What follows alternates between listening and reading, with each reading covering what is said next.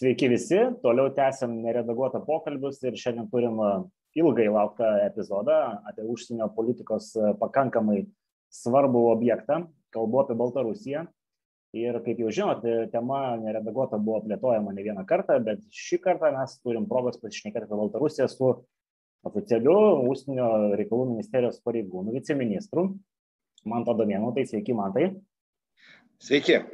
Tai pirmiausia, norisi padėkoti, kad e, radot laiko, nes matyt, darbo tvarkė tikrai nėra iš lengvųjų. Na taip, iš tikrųjų, šios dienos gan įtemptos kaip ir paskutinis pusmetis, kai čia su Baltarusija prasidėjo, e, na, tokio nuolatinės hybridinės atakos e, procesas, tai, tai tas pusmetis tikrai nebuvo lengvas ir, ir, ir smagu, kad domitės, nes Baltarusija dažnai, na, kaip sakyti, nors jį ant lūpų, bet giliau, taip sakant, apie tai pasikalbėti mažai patenka. Jo, tai iš tikrųjų mes dabar šiuo metu girdim dažniausiai ką? Girdim apie pabėgėlius, girdim apie sienos statybą, apie e, pabėgėlių stovyklas, apie žmogaus teisės, bet vat, norisi pagrįžti šiek tiek į tą retrospektyvą, visgi ne pirmi metai Lietuva nepriklausoma ir santykiai su Baltarusija tai nėra pastarojo pusmečio dalykas. Tai dauguma iš tų, kurie domisi, kelia tokį esminį klausimą. Mes žinom, kad demokratiniu būdu atėjo, galim tai pavadinti, Lukašenka į, į valdžią 94 metais, po to 96 metais jisai paleido savo aukščiausiąją tarybą ir prasideda jo kaip autoritaro laikotarpis. Ir matyt sunku būtų kalbėti, kad kažkurie rinkimai nuo 96 buvo laisvi, demokratiški, taip kaip juos supranta ES arba Junktinės Amerikos valstijos tai va čia ir kyla klausimas kas vat prieš pusmetį sakykim taip per tuos paskutinius prezidento rinkimus pasikeitė fundamentaliai tas Baltarusijos pozicijoje ir, ir Lukašenkos elgesy, kad mes e, taip sugriežtinam savo retoriką kur, ir visa tai baigėsi, galima sakyti, kažkokių diplomatinių santykių žlugimu intautau. Labai geras klausimas. Iš tiesų, jeigu žiūrėsime į ankstesnius rinkimus, tai na mes turėdavom tokią situaciją kokia dabar yra nemaža dalimis paskutiniuose rusijos dūmos rinkimuose kai prieš rinkimus dalyviai neturėjo galimybės nei reikštis viešai jie dažnai būdavo suimami jų politinės partijos neleidžiama registruotis neleidžiama įeiti kaip sakyti į biuletenius patekti ir ir taip toliau būdavo rinkimų komisijos vėlgi sukuriamos tokios kurios kurios atspindės reikiamą rezultatą nepaisant to taip sakant prieš ankstesnius rinkimus vis dėlto nepriklausomos visuomenės apklausos rodydavo gan nemažos Baltarusijos visuomenės dalies paramą Lukašenkai. Tai tu negalėjai tų rinkimų vadinti demokratiniais ir, ir teisėtais ta prasme, kad, kad jos nebuvo sąlygos sudarytos konkuruoti atvirose rinkimuose, bet vis dėlto nebuvo tokio klastojimo masto, kuris buvo prieš metus 2020 m. rūpiutį įvykusiuose prezidento rinkimuose, kai iš tikrųjų na, viskas rodė, kad Baltarusijos visuomenė galų gale atsibudo, kad jai nusibodo tas, tas sausuotas diktatorius ir kad absoliuti dauguma pareiškė valią už kitą kandidatą, tai yra už, Svetlaną Cichanovską. Ta rodė visos vėlgi ir apklausos, ir, ir, ir kiek buvo galima galimybių stebėti na, balsuojančiųjų elgesį ir pasirinkimus. Ir ten na, įvyko rinkimų klastojimas tokiu mastu, kokio, kokio net ir Baltarusija nebuvo mačiusi. Tai kitaip tariant, diktatorius prarado atramą visuomenėje. Ir, ir, Ir tai buvo pagrindas na, nebepripažinti jo kaip teisėto valstybės vadovo. Ir iš to sekė tuomet ir protestai, ir, ir vis didėjantis represijų mastas, vėlgi, nors Baltarusija seniai vadiname paskutinę diktatūrą Europoje, tai aišku nėra tikslu, nes Rusija yra toli gražu, taip sakant, ne mažesnė diktatūra, bet, bet tas pavadinimas buvo prilipęs, bet vis dėlto tokių represijų ir, ir sodinimų ir, ir prievartos prievartavimų galų gale masto net ir Baltarusija nebuvo mačiusi. Tai dabar mes turime tą situaciją, kad e, visuomenė yra per prievartą, na, sugrūsta į pogrindį, daugybė aktyvesnių žmonių ir kurie dalyvavo protestuose, kuriems grėsia persekimai, buvo priversti bėgti šalies, bet palaikymo diktatorius neturi ir jis yra neteisėtai. Ir tai yra esminis dalykas, kurį ir ES ir, ir kitos demokratinio pasaulio valstybės laiko kaip prielaidą. Ir, ir labai svarbu, kad na, mes tą laikyseną išlaikytume, jog nepripažinti tų, kurie atėjo į valdžią visiškai neteisėtai ir absoliučiai, na taip, akiplėšiškai neigdami bet kokius teisėtumo principus. Tai čia vienas, su kuo labai noriu susitikti, nes dažnai tai pamirštama, kai kalbame apie paskutinį diktatorių, tai tikrai jis ne paskutinis, jeigu suprasime Europą geografiškai, visiškai jums pritariu. Bet vat, jūs sakote apie statistiką. Yra toks analitinis think tankas, vadinasi Chatham House, ir jie kas ketvirtį metų skelbia statistiką ir pastarojos dviejos, dvi išėjusios statistikos, kurią teko girdėti iš analitikų, nu, sakykime, tų, kurie domisi užsienio politiką, nu, tai realiai pasižiūrėti gali visi tą statistiką. Lukašenka yra antroje vietoje. Jis ne, gerokai lenkia Svetlaną Cikanovskają pagal, pagal reitingą ir pirmoje vietoje yra žmogus, kurį matyt dauguma laikytų kažkokiu tai satelitu iš Rusijos. Tai ar iš ko, bet klausimas paprastesnis būtų, iš, iš kur mes turim tos prielaidas, kad per rinkimus Sekanovskaja palaikė didžioji dauguma. Ar čia tie, kurie nepalaikė Babariko, jie, tas buvo palaikantis Sekanovskaja, čia dar kažkokios prielaidos yra? Man atrodo, tos Chatham House apklausos, kurios vėlgi remiasi, iš tiesų nėra tiek daug nepriklausomai vykdančių sociologinius tyrimus Baltarusijos teritorijoje, tai remiasi dažniausiai tuo pačiu apklausų šaltiniu, tik tai užduoda skirtingus klausimynus. Reikia atsižvelgti, kad situacija yra labai dinamiška. Ta prasme, kad yra po to, kai Svetlana Cichanovska pasitraukė iš šalies ir, ir, ir turint omeny tą informacijos blokadą, aišku, kad jie Baltarusijos viešoje erdvėje nebefigūruoja ir, ir, ir ten tuomet kyla toks asmo kaip, kaip Babariko. Tai nėra ta pati situacija, kuri, kuri, kuri buvo rinkimų metu ir, ir taip galima manyti, kad tiesiog iš Baltarusijos viešosios erdvės, iš tos žiniasklaidos akiračio, kuri vis labiau ir labiau kontroliuoja Lukašenkos režimas Svetlanos Cichanovskajos, na, bet koks pasirodymas yra, yra kruopščiai šalinamas. Tai natūralu, kad jos populiarumas pačioje šalyje negali būti labai aukštas, nes tiesiog apie ją negirdi. Ir, ir tuo tarpu Rusijos informacinė erdvė yra Baltarusiems atvira ir, ir iš ten ateina nemažai žinių. Tai čia, čia yra viena iš problemų, kurią iš tiesų irgi na, siekiame ieškoti sprendimų, kaip kompensuoti tą tokią tendencingumą, nes Lukašenkos režimas labai pasimokydamas beje iš, iš Kremliaus pamokų, vienas dalykų, ką jis per šitos metus padarė, tai labai kropšiai išravėjo nuo bet kokių alternatyvių ir nepriklausomų informacijos šaltinių, pradedant Nextą ir, ir, ir blogais tomis žiniasklaidos priemonėmis, kurios daugmaž išlaikė nepriklausomą laikyseną, jos, jos visos buvo na, uždarytos, pakeistos administracijos arba tiesiog už, užblokuotos. Tai vėlgi, žiūrėdami į tuos, tuos reitingus, dabar matome tą tokį dalyką, kad Lukašenka daugumos savo gyventojų paramos neturi. Ir tai yra esminis faktas. Jiems reikia alternatyvos. Jis jau pasiekė tą negryžtamą tašką, kur, kur, kur nebegali atkurti vien represijų būdų kažkokio pasitikėjimo. Ir todėl dabar na, turime tokią patinę situaciją. Viena vertus, pilietinė visuomenė neturi galimybės reikštis ir, ir kažkokiu būdu protestuoti ir siekti laisvų rinkimų. Kita vertus, jis gali išsilaikyti tik vis didėjančios prievartos dėka. Tai, tai čia yra būtent ta situacija, kuri, kuri na, gali kurį laiką tęsti, bet ji tikrai nestabili ir neamžina. Tai va čia raktinis žodis pilietinė visuomenė vėlgi yra dalis analitikų, kuris sako, kad kalbėti apie pilietinę visuomenę Baltarusijoje yra sudėtinga, lyginant, tarkim, su kaiminė Ukraina. Yra pabrėžiama, kad pilietinės visuomenės samoningumas ir neformuluojami jokie aiškus lozungai, neaiškius formuluotės, kad mes norim integruotis į vakarų pasaulį, taip vadinama, kaip vat, mes matuojam tą pilietinės visuomenės e, lygį, sakykime, taip, kaip, kaip jūs, e, užsienio politikos formuotojai, kaip jūs e, vertinat ir kokiais šaltiniais, nes nu, iš 10 milijonų valstybės, net ir prie geriausių skaičiavimų 500 tūkstančių išėjo į gatves, tai matyt dar nėra kritinė masė. Na, kas yra kritinė masė šiuo atveju. Jeigu paskaičiuotumėm proporciją žmonių, kurie dalyvavo sąjūdžio mitinguose, jie irgi nesudarė absoliučios daugumos žmonių. Nu, man atrodo, kad 300 tūkstančių Lietuvoje nuo, nuo mūsų populiacijos buvo didesnė, didesnė populiacija. Be abejo, aš nesiginčiu, kad proporcija buvo didesnė ir jeigu žiūrėtumėm dalyvavimo Baltijos kelyje, tai jis buvo dar didesnis.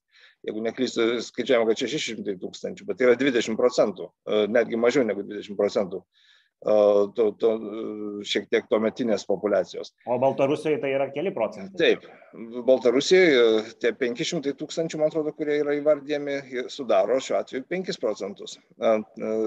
Truputėlį daugiau negu 5 procentus. Tai, bet vėlgi, mes turime labai aiškiai suprasti, kad pilietinė visuomenė tai nereiškia, kad į protestus išeina visi tie, kurie nepalaiko, visi tie, kurie pasisako prieš, visą laiką yra tam tikra skalė. Ir, ir kitas dalykas, mes neturėtumėm pilietinės visuomenės na, vertinti, kad pilietinė visuomenė yra tik tai ta, kuri pasisako, na, taip kaip mums norėtumėm ir patiktų. Žinoma, kad norėtumėm, kad tie, kurie protestavo prieš metus, va dar prieš metus tokiu metu vykom tikrai masiniai protestai, kad jie būtų labai aiškiai kėlę tokios vakarietiškos demokratijos ir integracijos į Europą šūkį. Bet turim suprasti, kad ta pilietinė visuomenė yra savo veiksmė. Jos tikslas buvo, na, būti, turėti galimybę patiems rinktis. Koks tas pasirinkimas bus? Čia jau visai kitas klausimas. Ir taip iš tikrųjų tai yra šalis, kuri 30 metų gyveno visą laiką gožiama tokios sovietinės praeities garbinimo. Ji dažnai buvo netgi labiau, taip sakant, galėjai pamatyti Sovietų sąjungos testinumą negu, ne, negu Maskvoje. Prasme, Maskvoje ten yra kitas dalykas, tai yra Stalino tokios kultas ir, ir imperijos kultas, bet be tos sovietinės kasdienės tikrovės rezervatas ilgą laiką buvo Baltarusija, kuri, taip sakant, save suvokė kaip testinumą Sovietų sąjungos. Galėtum sakyti, kad visur aplinkui sugriuvo Sovietų sąjunga, bet Lukašenkos dėka jinai tenai išliko va, toks. Tai taip ir tomis sąlygomis formavosi labai savita pilietinė visuomenė kur darbo kolektyvai, žodis, kuris Lietuvoje irgi jau turi tokią sovietinės nostalgijos ar sovietinio kažkokio tokio naftalino kvapelį, ten yra reali terpė, kur formuojasi kažkokie ryšiai, bendruomenės ir taip toliau. Ir pavyzdžiui, mus stebino, kad būtent, būtent įmonių kažkokie kolektyvai jie galėdavo, taip sakant, sukilti kolektyviai, tai prasme, kas, kas Lietuvoje nu, sunkiau įsivaizduojama. Ten tokio belazo visokie darbuotojai ir panašus dalykai.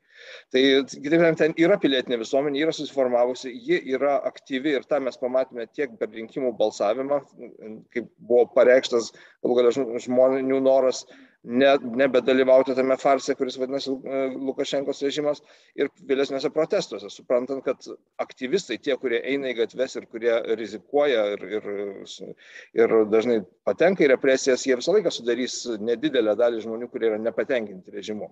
Bet reikia vėlgi pamatyti dar kitą svarbų dalyką, tai ta protestų demografija kad tai yra pirmiausia ne, ne tik jaunesnės, bet tokios vidurinės jaunesnės kartos atstovai, tai yra žmonės, kuriems na, pri, ta valstybė priklausys, neišvengiamai pateks, jie yra proporcingai, taip sakant, nepatenkinti žymiai labiau negu kitos kartos. Kitas dalykas tai yra vidurinės klasės atstovai. Tai vėlgi nėra, nėra kažkaip taip, sakant, mažumos, bet tai yra mainstreamas. Baltarusijos visuomenės mainstreamas sudaro protesto šerdį. Ir tai yra nepaprastai svarbus dalykas ir kurio Lukašenka, man atrodo, supranta ir todėl tokiamis represijomis bando uh, užgneušti, na, jam kol kas, kol kas pavyko. Bet atkurti to tokio konsenso ar, ar prasme, atkurti paramos bazės visuomenėje aš esu tikras, kad nepavyks.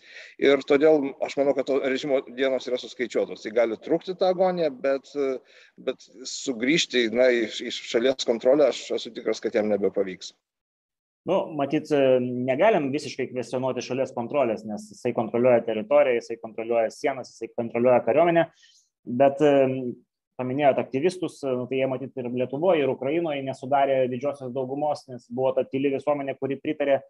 Bet nu, hipotetiškai galima sutikti, kad, okei, okay, yra, yra ta kažkokia visuomenės dalis, kuri, kuri, žodžiu, jau sukilo ir jos, sakykime, yra pakankama. Bet tada pakalbėkime apie alternatyvą. Um, tai tos alternatyvos, sakykime, kurios buvo užgneuštos prieš rinkimus ir po to liko tik tai antrosios pusės arba, arba kolegijas, kaip sakoma, ir susibūrė į krūvą, jų pozicija Rusijos atžvilgiu ne vieną kartą girdėjom, kad yra kviečiamas Putinas, kurį mes jau aptarėm kaip didįjį blogį, esmė, arbitrauti.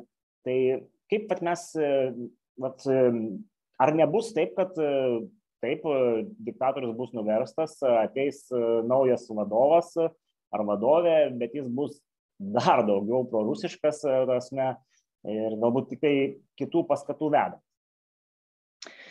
Na, man regis, mes dažnai irgi uh, darom klaidas sutapatindami va, tą pilietinį judėjimą su, su, su lyderiais. Ar tai būtų Babariko, kurio taip sąsajos iš tiesų yra labai keliančios daug klausimų. Uh, tai viena tokia mąstymo klaida. Ta prasme, kad uh, vertindami, ko nori pilietinis judėjimas, mes turime nemanyti, kad jis yra diktuojamas, taip sakant, tų kelių figūrų, kurios, kurios dabar iškilo labiausiai viešumą. Ar tai būtų proeuropietiškos ar promaskvietiškos figūros. E, ir, ir turbūt svarbiausias dalykas, ko tas pilietinis judėjimas ir, ir Baltarusijos visuomenės ta aktyvioji dalis nori, tai galėti patys spręsti savo likimą. Ir jeigu uh, paaiškės, kad tie lyderiai, kurie na, nori to permainų vėjų pasinaudoti, bando pririšti per nelik smarkiai prie Rusijos, aš manau, sulauks lygiai tokio paties pasipriešinimo, kaip dėja turbūt ir tie, kurie skalbtų per nelik tokį, na, Baltarusijos visuomeniai per nelik svetimą, tokią aiškę pro vakarietišką laikyseną. Taip, tai šalis, kuri, kaip minėjau, yra na, tokios sovietijos tasos ilgai formuotai. Ten tokio konsenso kaip Ukrainoje dėl, dėl orientacijos į vakarus tikrai ilgą laiką nebus. Bet tai yra svarbiausias dalykas, man atrodo, kad, kad pirmiausia, tai na, turi tapti šalis, kurioje visuomenė na, gali pati keisti valdžią demokratinių rinkimų būdu.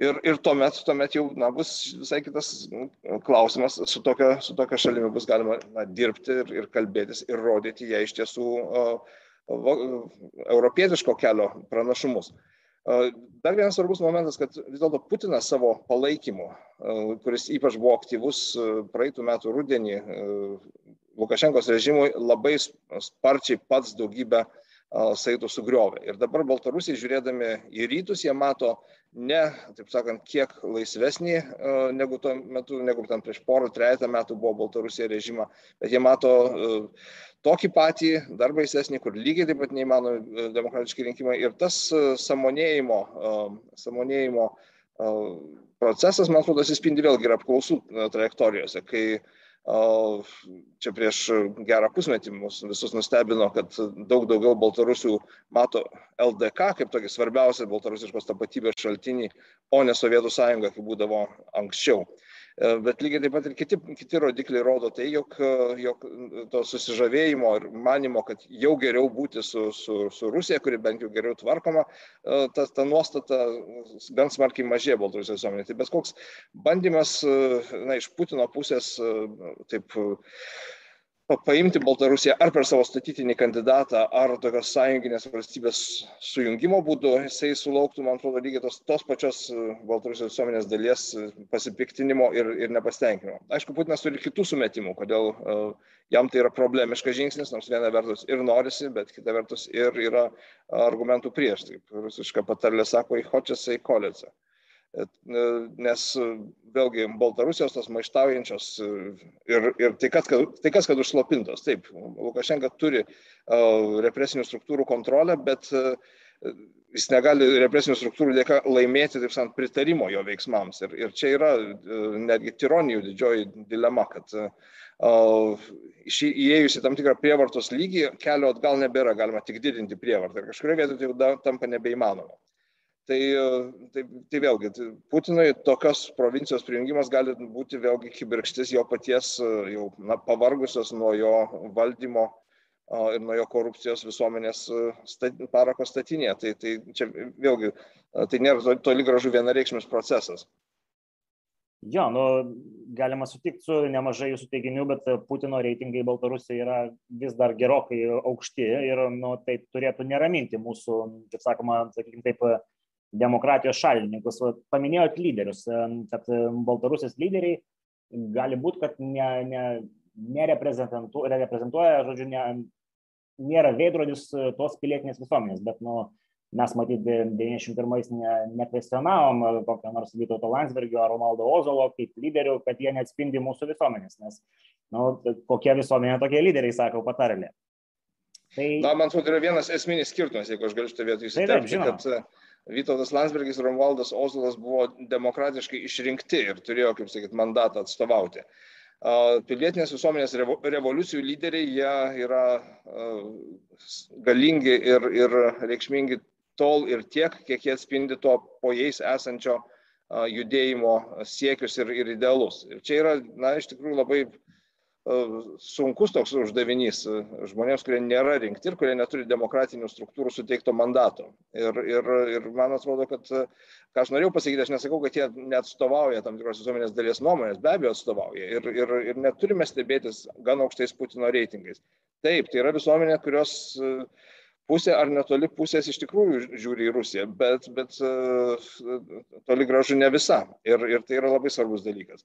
O kitas dalykas, kad, e, ką aš norėjau pabrėžti, kad ne, ne lyderiai užduoda toną tam pilietiniam judėjimui, bet jie iškyla arba, sakant, krenta jų svarba ir, ir galimybė būti lyderiais nuo to, ar jie atspindi aspiracijas žmonių, kuriems jie teigia atstovaujantis ir vadovaujantis. Ne jie kuria judėjimą, bet judėjimas tam tikrą prasme kuria juos nu, revoliucija matyt būtų sudėtinga kalbėti tai, kas įvardinti tai, kas vyko Baltarusijai, nes kai žmonės lipa ant soliukų, nusiemė batus, tai šiek tiek nu, ne, neatspindi, sakykime, tai tos revoliucijos dvasios, kurią mes įpratę matyti pasaulyje. Bet e, ne, negalim ginčytis, nes iš principo sunku pamatuoti, sakot, pusė visuomenės būtų tikrai smagu žinot, kad Baltarusijoje jau pusė visuomenės yra neprorusiška.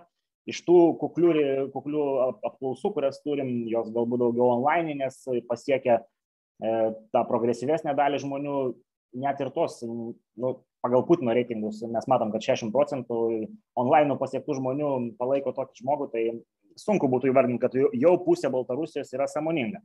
Dėl LDK, ar tai yra džiugu, kad jie jau pilnai tapatinasi su LDK paveldu, ar tas kažkiek jų dalis auga, čia didelis klausimas, nes yra daug manančių, kad tas pretenzijos, ar, sakykim, taip, savitas istorijos suvokimas, kuris yra siauroji istorikų, sakykim, taip, mėgėjų uh, sluoksnėje siauram yra toks, na, nu, kaip ir pavojus Lietuvai. Bet grįžkim tada prie Svetlanos Sikanovskės.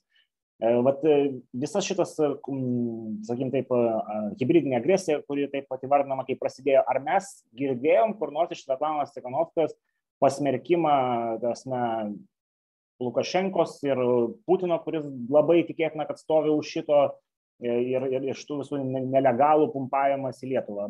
Gal galia, nu, mes matyti esam toksai saugus e, prieglopstis ir turėtume iš jos susilaukti tokių pakankamai palaikančių pasisakymų, bet kažkaip pat ir žiūrovai, kurie klausimus formuluoja, pasigenda.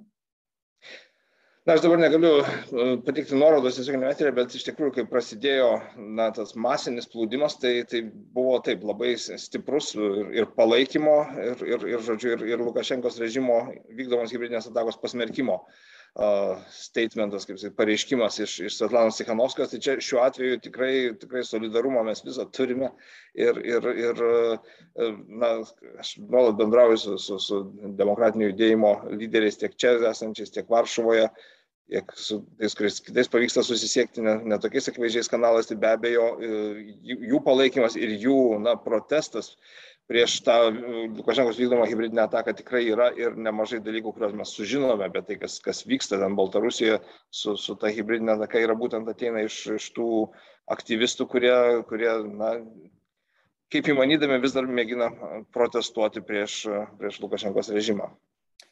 Tai čia vat norisi dar prieš pereinant prie kelių pašnekovų klausimų paklausti tokį platesnį kontekstą. Yra tokia pozicija kad tarptautinė politinė darbotvarkė pasikeitė kad jinai du tūkstančiai ketvirtais du tūkstančiai aštuntais buvo labai smarkiai už baltarusijos demokratizaciją e, tai siejama su tuometiniu amerikos prezidentu bet e, tos politinės geopolitinės sakykim taip kažkokios dėlionės kurios dėliojasi dabar tarp sąjungos gigantų turiu omeny Vokietijos, Prancūzijos, Rusijos ir Amerikos, jos nėra už Baltarusijos kažkokią demokratizaciją, o daugiau e, business as usual ir, ir kiti aspektai yra pabrėžimi. Kaip jums atrodo, ar ta tarptautinė darbo tvarkė yra palanki šiuo metu mums būti flagmanais Baltarusijos demokratizacijos procese? O aš visiškai man tokio klausimo prielaidos netgi labai keistos. Lyginti dabartinę situaciją su, su, su situacija, kuri buvo po dešimtų arba šeštų metų rinkimų Baltarusijoje, yra iš tikrųjų netgi e, na, visiškai, taip sakant, esame tarsi skirtingose visatose, nes ten iš tiesų po dešimtų metų rinkimų, kai visi penki e, kiti kandidatai į prezidento poziciją buvo susodinti ir, ir taip tada buvo įvestos sankcijos, bet metų bėgėje, pamažu paleidžiant šiek tiek dalį politinių kalinių, viskas grįžo į, į business as usual. Ir kitas dalykas, tokio masto sankcijų ir tokio na, totalaus diplomatinio, politinio nepripažinimo vajos, koks yra dabar ir, ir visam demokratiniam pasaulyje, skersai Atlanto abiejose pusėse, tikrai niekada nėra buvę. Jau priimti tie keturi e, sankcijų, ES sankcijų paketai. Ruošiamas penktasis, kuriame bus įtraukti hybridinės atakos vykdytojai ir tam yra tikrai plati parama ES. E, vasarą priimtos, e, ko irgi niekad nėra buvę sektorinės sankcijos, kurios sankcionuoja ištisus Baltarusijos valdžios, valdžiai pelną nešančios ekonomikos. Bet man tai, nu, čia, čia noriu šitoje vietoje paklausti vieno esminio dalyko. Ar galima tik tai sankcionuojant Baltarusiją, bet neliečiant Rusijos, išspręsti šitą, šitą problemą. Nes yra tokių balsų, kurie sako, kad šitos sankcijos daugiausiai padeda Rusijai. Čia yra kitas susijęs klausimas, bet aš noriu pasakyti dabar, tas pirminis klausimas buvo apie tai, ar čia dabar, ar, ar vakarų pasaulis su, su Baltarusija grįžta prie business as usual. Ne, toli gražu ne ir, ir tikrai tokio. Uh, pirminis, masto... klausimas, pirminis klausimas nebuvo toks, pirminis klausimas buvo apie geopolitinės situacijos atmosferą. Ir tasme, ar Baltarusija nėra, nėra atiduota Rusijos orbitai, ta prasme, suvalgyti. Va čia galbūt toksai būtų būtiškai susiaurintas klausimas.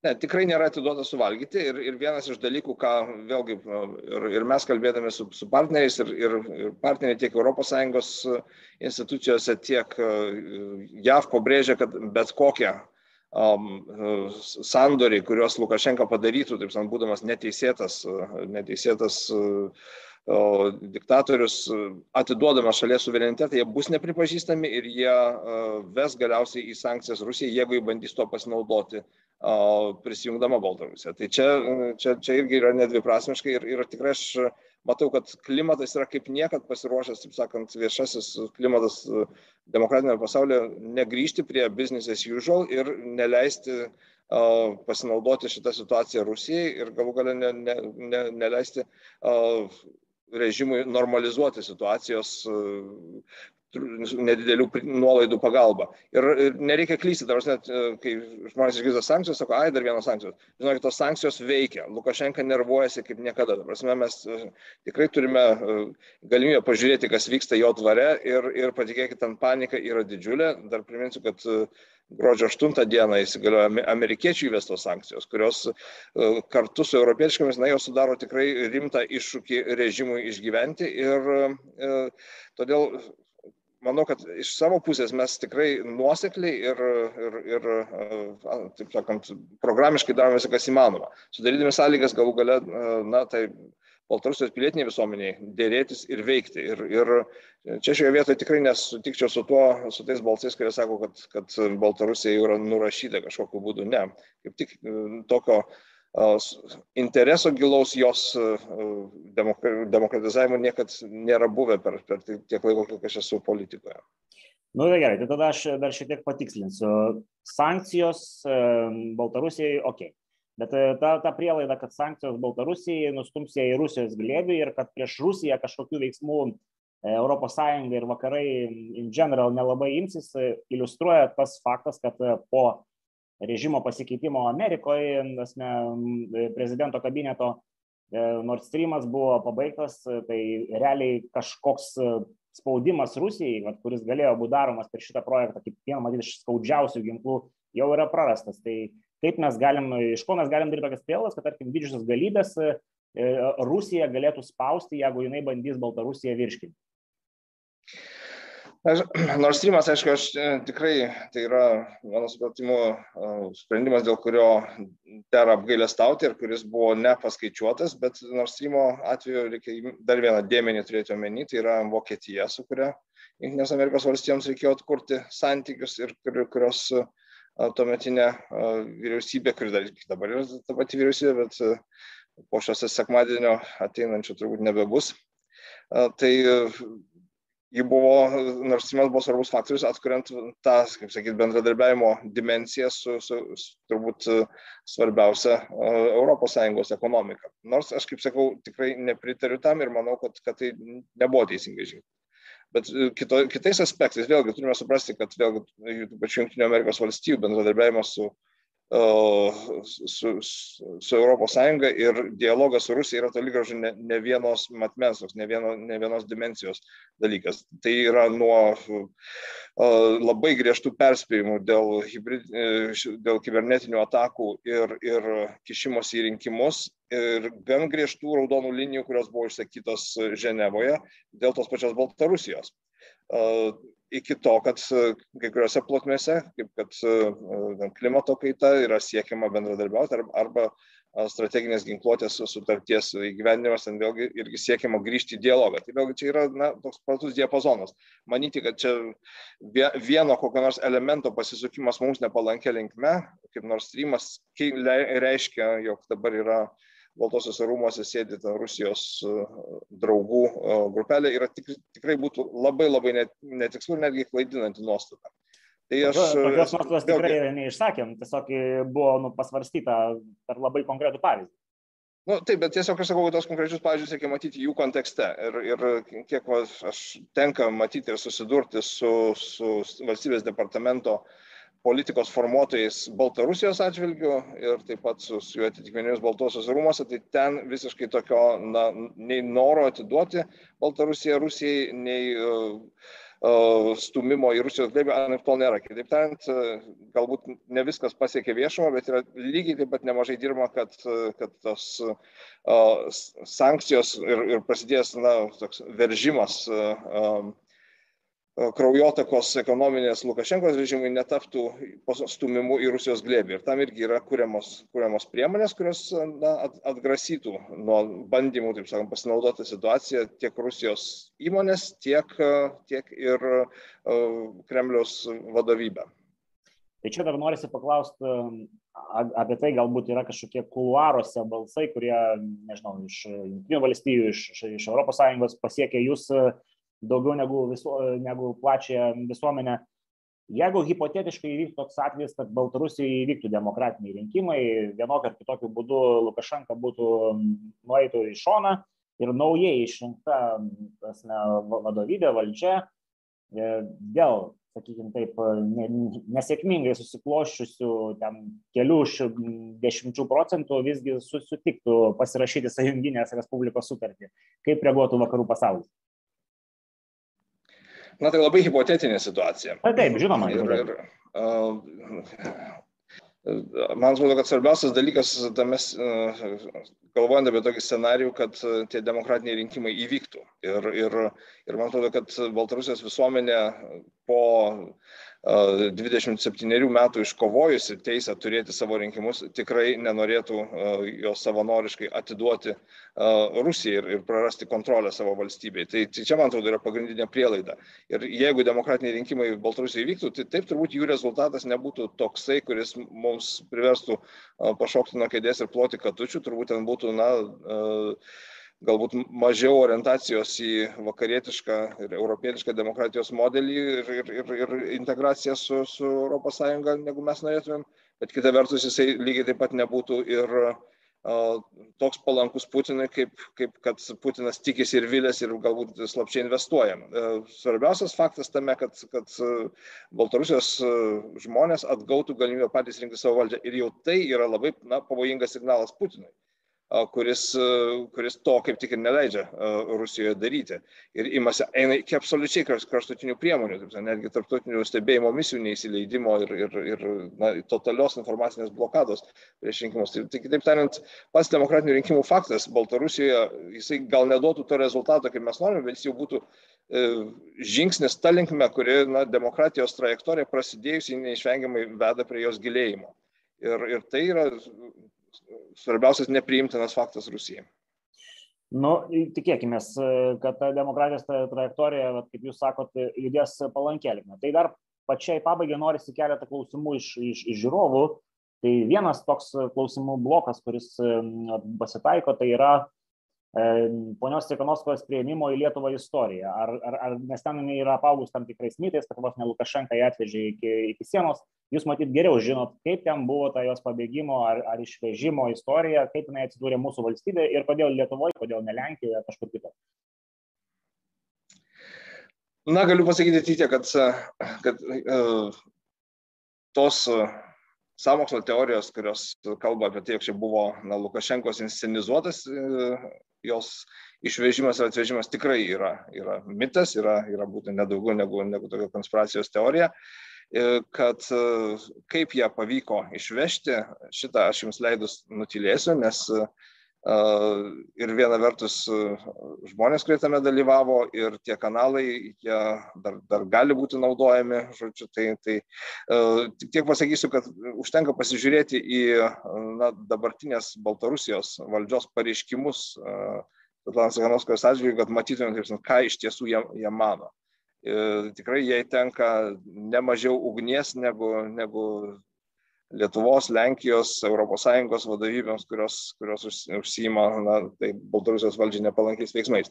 Kitaip tariant, e, taip, tai buvo istorija žmogaus, kuris nesijautė būsęs politikas, pateko į politiką nemaža dalimi tokio atsitiktinumo dėka ir tą vaidmenį, na, pavertė savo. Iš tikrųjų, turbūt nėra veido dabar kuris labiau atstovauja va, tam Baltarusijos tautos siekimui, ir kaip, kaip kad Svetlana Cikanovskai, ir kuri, na, tą, tą istorijos jai primestą vaidmenį, netgi per prievartą įgrūstą ir per dramas iš tikrųjų turėjo padaryti tą pareiškimą dėl savo vaikų, galimybės, sakyti, juos atgauti, kuris, kuris, aš manau, kad tikrai buvo jai nepaprastai sunkus ir, ir pareikalaujantis, ir vis dar, taip sakant, reikalaujantis na, tam, tam tikros vidinio konflikto. Tai uh, prisiminus jį, tai vėlgi tą, tą vaidmenį, kuris buvo jai praktiškai sugrūstas per gerklę, jinai pavertė savo ir, ir jeigu ne jos buvimas čia, aš manau, kad na, Baltarusijos klausimą išlaikyti pasaulio dėmesio akiratė būtų žymiai sunkiau. Tai tikrai galiu pasakyti, jog na, tokios manimas, jog tai yra kažkoks su, surežisuota ta operacija, jis tikrai yra nepagristas. Džiaugiuosi Lietuvos ir, ir, ir, ir diplomatinio korpuso ir jo talkininkų gebėjimais iš tiesų ištiesti, nutiesti kelią iš, iš Baltarusijos į laisvasias šalis nemažam kiekiui uh, disidentų, kovotojų, aktyvistų, kurių ne tik Svetlana Cikanovskai, bet labai daug yra jais pasinaudoja ir, ir jie toliau veikia. Ne, nemanykime, kad, uh, kaip čia sakyti, ar, ar sienos statymas, ar, ar kažkokio diplomatinės santykių traukimas, neleidžia toliau pasiekti Lietuvą tiems žmonėms, kuriems grėsia represijos. Mes tikrai turime tą įvaldę ir, ir, ir būtent tą mūsų na, žinojimą ir gebėjimą veikti, nepaisant tos diktatūros sąlygų, mūsų partneriai vakaruose nepaprastai vertina. Todėl, todėl Vilnius buvo vėlgi pasirinktas ir, kaip sakyti, tremtyje veikiančios Junktinius Amerikos valstijos ambasados ar, kaip sakyti, atstovybės Baltarusijai vieta. Tai čia dar klausimas, kuris prie to pačio pasikartoja, ar yra tekę kalbėti su Svetlana Cikanovskaja apie Krymą ir koks, kokia jos pozicija, nes esam girdėję jos vyro poziciją, kuri matyt mūsų kaip lietuvių labai smarkiai nedžiugina. E, ar kokia yra ponios Svetlanos Cikanovskajos pozicija dėl Krymo aneksijos ir Rusijos veiksmų Ukrainoje? Galiu pasakyti tiek, kad e, prievartinio sienų keitimo jį tikrai nepalaiko. E, bet vėlgi dėl suprantamų priežasčių labai aktyvios pozicijos nereiškia ir čia turbūt reikėtų jos pačios klausyti. Nenorėčiau kalbėti, kalbėti jos lūpomis, nes vienas dalykas yra, ką mes kalbamės už uždarų durų, kitas dalykas, ką ji kaip vieša figūra, kaip tam tikro judėjimo ir, ir visuomenės lyderė e, gali viešai pareikšti. Tai čia iš tiesų reikėtų turbūt į ją ir kreiptis, nes nenorėčiau priskirti žodžių, po kurių nepasirašytų, suprantama. Bet iš tikrųjų, dabar mes manyti, kad e, nu, tose klausimas tai pasigirsta, nu, kad ji yra net nepakankamai atitinka mūsų tokį uh, stereotipą, koks turėtų būti va, demokratinio judėjimo lyderis. Bet ji yra Baltarusijos visuomenės lyderė, ji nėra Lietuvos visuomenės lyderė. Taip, jums sakant, mes jai simpatizuojam ir ji yra įkvepiantis pavyzdys, bet, bet yra savo visuomenės dalis ir su viskuo, kas, kas į tą įeina ir tą mes turime labai realistiškai suprasti. Nu, čia matyti tai verta pasakyti, kad mes kaip valstybė pakankamai daug rizikuojam dėl Svetlanos Ikanovskos ir, ir demokratizacijos proceso, nes nu, agresorius, kaip ten bebūtų, yra pašonėje ir nu, mes matyt galim reikšti kažkokias mintis, kelti klausimus, nes nu, valstybė Lietuvos tikrai nu, dėl, dėl, dėl Svetlanos saugumo kaip ir save yra pastačiusi šiek tiek rizikingesnė padėtį negu, tarkim, buvo iki to. Taip, ir mes garantuojame tą saugumą žmonėms, kurie kovoja už savo tautų ir valstybių laisvę ir, ir ne tik dabar, bet jau nuo labai labai senų laikų, kai, kai priemė kunigaištį Andrėjų Kurpskį, bėgusi nuo Ivano Baisiojo, Lietuvoje dar vadinamo Ivano Ruščiojo klaidingai. Tai iš tiesų mes, kas, mes suteikėme prieglopstį žmonėms, kurie kovoja ne todėl, kad jie yra kažkokios mūsų marionetės ir mes priimam ne marionetės, bet žmonės, kurie yra kovotojai ir kuriems grėsia pavojus. Ir tai nereiškia, kad visos jų nuomonės turi būti, taip sakant, praleistos per mūsų o, tam tikros cenzūros filtrą. Ir, ir, bet čia šiuo atveju aš tikrai matau daug daugiau, taip sakant, sutapimo, negu, negu kartais tokiuose klausimuose slypi tokia potekstė, kad ne, nes žiūrėkit, čia visiškai prieštarauja mūsų valstybės kursai. Ne, tikrai toli gražu taip nėra.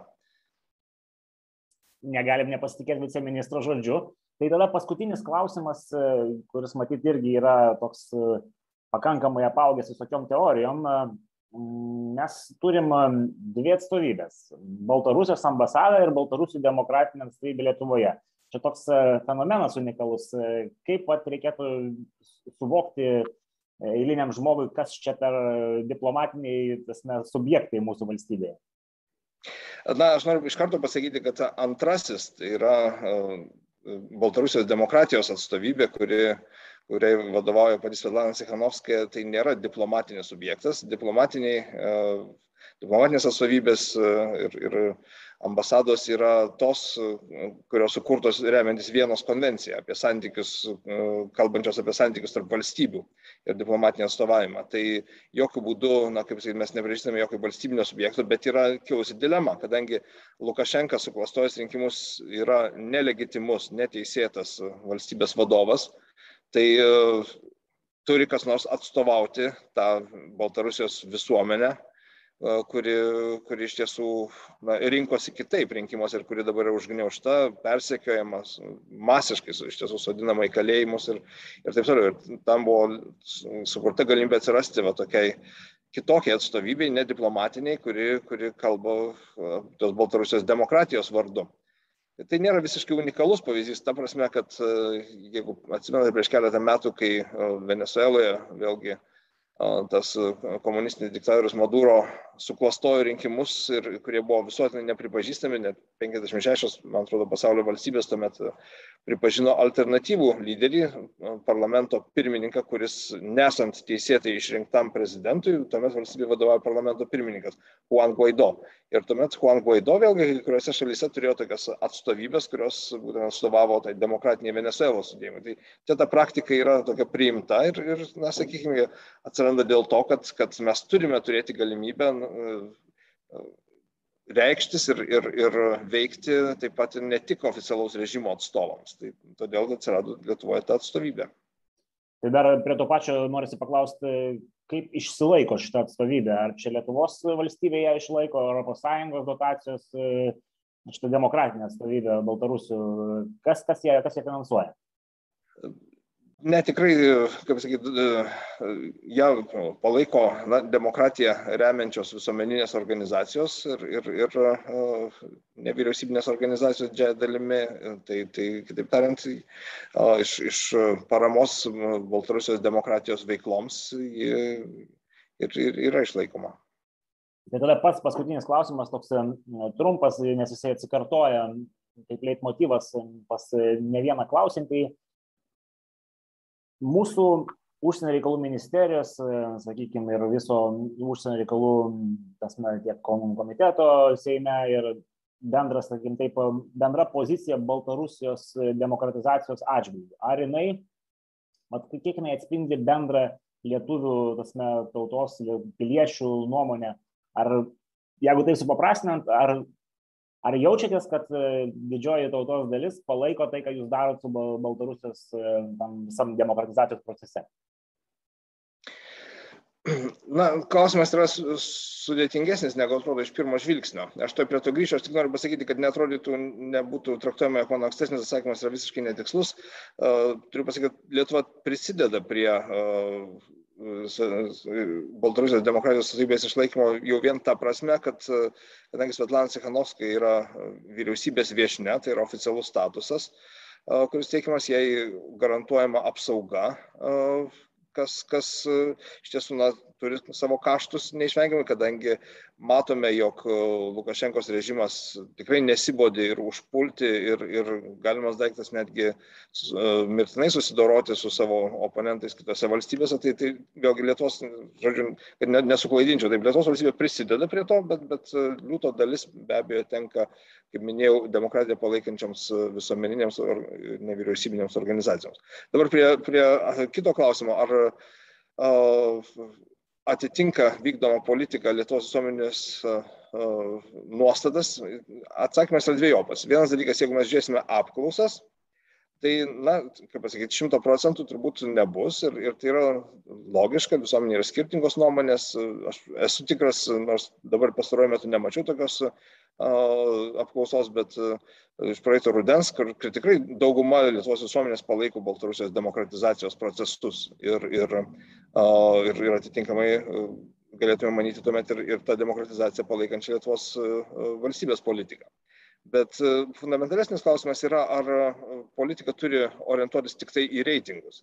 Nes vėlgi dabartinė vyriausybė buvo išrinkta labai aiškiai deklaruojanti savo įsipareigojimą užsienio politikoje, palaikyti demokratiją, vėlgi buvo sakoma nuo Baltarusijos iki Rytų Azijos demokratų kovojančių už savo laisvę. Tai ir, ir būtent jį buvo išrinkta, kaip sakyt, ir, ir tie balsai, kurie teko sudaryta, rėmėsi tomis programomis, kurios tą deklaravo ir tuomet jį turi pareigą, ne tik teisę, bet pareigą vykdyti tos įsipareigojimus, kurie buvo iškelti rinkimų metu. Kitaip tariant, yra gautas demokratinis mandatas ir, ir, ir tai ne tas pats kaip, kaip visuomenės nuomonės apklausa, bet visuomenės nuomonės apklausa, nors pastaruoju metu nemačiau, manau, ir dauguma Lietuvos visuomenės iš tikrųjų patys praėję per visą tą katilą ir išėję iš, iš Sovietijos, tos persekiojimo kultūros, kurią pas dar labai gyvai atsimenu, manau, mes nenorime, jog mūsų pietiniai, rytiniai kaimynai, Baltarusiai toliau gyventų Sovietų sąjungos tesinyje, kuris pastaruoju metu vis labiau tampa panašus į Šiaurės Koreją. Iš tiesų ir turėti Šiaurės Koreją ant savo sienos, tai va tos hybridinės atakos jos mums įrodo,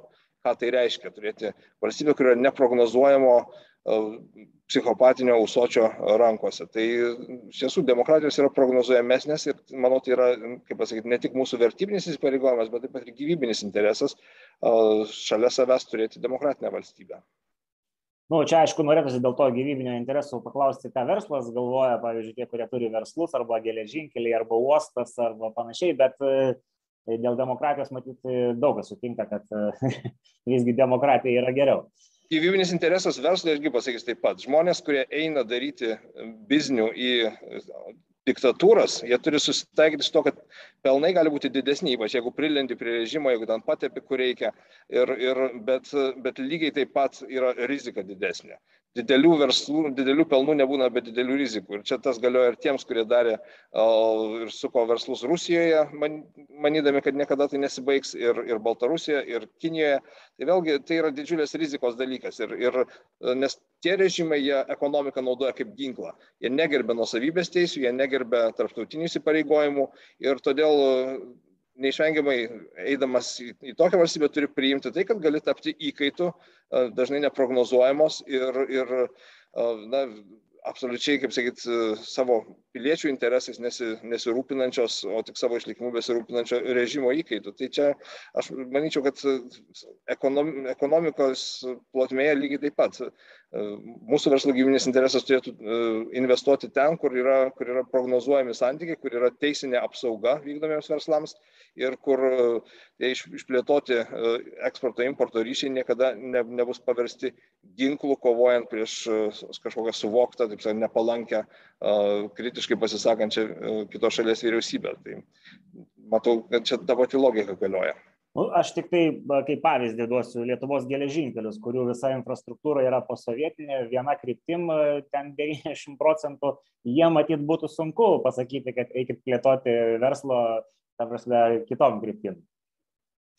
O žinot, va čia tai labai gerai iliustruoja. Aš nenoriu nieko blogo pasakyti apie dabartinę geležinkelių vadovybę, kurie paveldėjo nemaža dalimi ir visą institucinę veiklos logiką, ir ekonominę veiklos logiką, ir infrastruktūrą, bet tai, kad geležinkeliai Lietuvos ėmėsi didžiulius pelnus iš to, kad tiesiog leido važiuoti e, iš, iš Baltarusijos nesibaigiantiems e, trašų ir naftos sąstatams.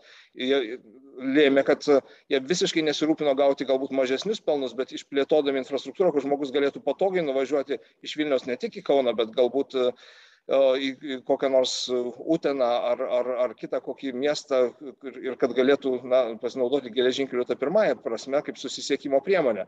Tai aišku, ten nebūtų tokių pelnų ir, ir, ir nebūtų absoliučiai sakant, taip lengva veikti, bet tai, tai duotų tą pridėtinę vertę Lietuvos visuomenį, kurios mes dabar neturime. Mes dabar duodame savo bėgius tik tai važiuoti per, per Lietuvą svetimiems sąstatams, o pasinaudoti geležinkeliais kaip tai, kas kuria naują geresnė gyvenimo kokybė Lietuvoje, to visiškai nėra. Pažiūrėkime, kaip išvystyta, pavyzdžiui, geležinkelių infrastruktūra toje pačioje Vokietijoje ir, ir, ir kaip ten susisiekimą palengvina. Tai, tai va čia ir yra atsakymas, kad orientacija į didžiulius iš, iš tokio apimties kylančius pelnus neleido pasinaudoti, išvystyti geležinkelių ten, kur Lietuvos visuomenė jų kur kas būtų labiau reikėję. Jo, tai gerai, aš visiškai pritariu, ne, ne, nesileiskim plačiau į geležinkelių tą temą, nes, aišku, sunku lyginti Lietuvą su Vokietija, ten visai kita situacija, kol mes buvom okupuoti, jie tenais jau tvarkėsi, bet matyt visi pritartų, kad nuvažiuoti ne tik į Kauną iš Vilniaus būtų labai smagu su Lietuvos geležinkeliais. Tai man tai didelis dėkui Jums už, už skirtą laiką. Žiūrovėm galim pasakyti, kad filmuojam šeštadienį, tai per viceministras aukoja savo laisvalaikio laiką. Tai tikiuosi bus proga pašnekėti ir, ir, ir kitom temom, nes e, užsienio politika visą laiką yra įdomu ir e, viena yra kalbėti su politologais, e, su, su analitikais, kita yra kalbėti su realiai ją vykdančiai žmonėmis. Tai dar kartą ačiū. Ačiū Edvinai Jums už tikrai rimtus ir labai svarbius klausimus. Ir ačiū žiūrovams už, už dėmesį, kurie, kad jie tokiais klausimais domisi. 70 procentų klausimų atėjo iš žiūrovo, aš tik juos pervirškinau, tai čia žiūrovas yra karalius. Gerai, man tai, tai, tai dėkui, dėkui visiems, kurie žiūrit, nepamirškit mūsų socialiniuose tinkluose ir ką, iki kitų kartų.